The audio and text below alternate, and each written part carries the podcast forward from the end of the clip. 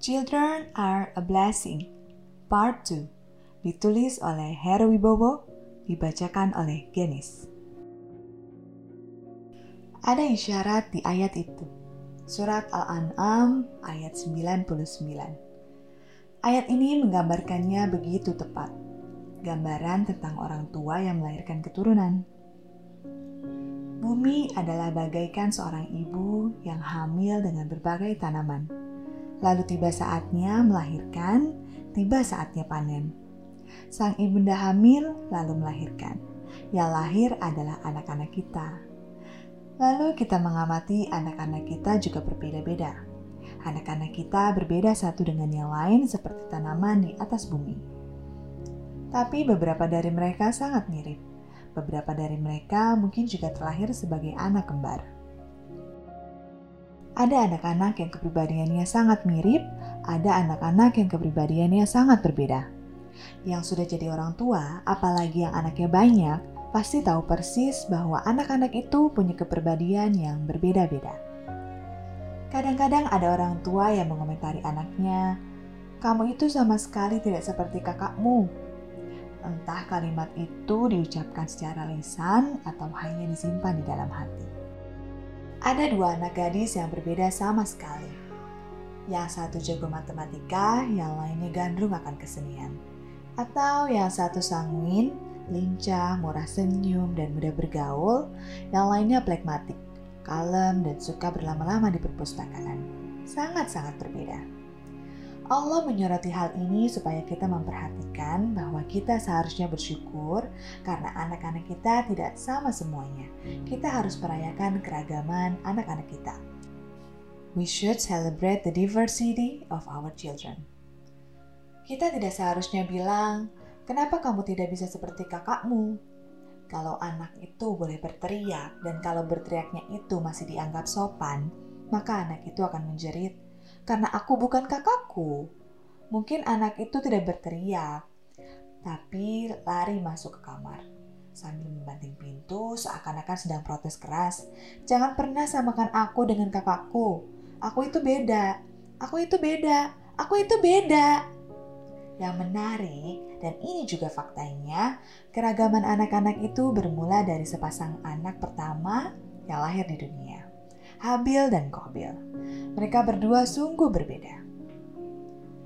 A'udzu billahi minasyaitonir rajim. Wallahu khalaqakum min turabin thumma min nutfatin thumma ja'alakum azwaja. وما تحمل من أنثى ولا تدعو إلا بعلمه وما يعمر من معمر ولا ينقص من عمره إلا في كتاب إن ذلك على الله يسير Dan Allah menciptakan kamu dari tanah, kemudian dari air mani, kemudian dia menjadikan kamu berpasangan laki-laki dan perempuan. Tidak ada seorang perempuan pun yang mengandung dan melahirkan, melainkan dengan sepengetahuannya. Dan tidak dipanjangkan umur seseorang dan tidak pula dikurangi umurnya, melainkan sudah ditetapkan dalam kitab Lauh Mahfuz. Sungguh yang demikian itu mudah bagi Allah. Surat Fatir ayat 11 tidak ada seorang wanita pun yang hamil, tidak ada seorang wanita pun yang melahirkan, kecuali semua itu terjadi dengan sepengetahuan Allah. Jadi, jika Anda adalah seorang wanita yang sedang mendekati bulan-bulan akhir kehamilan dan Anda berpikir, anakku kalau lahir gimana ya ntar? Mungkin sempat terlintas di pikiran Anda bayangan yang tidak-tidak, yang mungkin juga langsung ditepis dengan zikrullah supaya hati menjadi tenang, supaya stay positif. Sang ibunda tidak tahu apa yang akan terjadi saat lahiran nanti. Begitu juga sang ayah. Tapi Allah tahu. Allah tahu anak itu akan jadi seperti apa, bentuknya akan seperti apa, bahkan juga kepribadiannya akan seperti apa. Allah tahu semuanya, begitu sedikit ilmu kita dan begitu luas ilmu Allah yang meliputi itu semua. Bahkan pengetahuan sang ibu dan ayah terbatas hanya saat bayi sudah keluar dari rahim. Sudah dilahirkan, sudah melihat dunia. Tapi saat bayi masih di dalam kandungan, pengetahuan manusia masih sangat terbatas. Meskipun sudah ada teknologi ultrasonografi atau USG sekalipun. Jika bayi itu adalah anak kedua, bisa jadi ayah bundanya bertanya-tanya, kira-kira bakal mirip kakaknya nggak ya?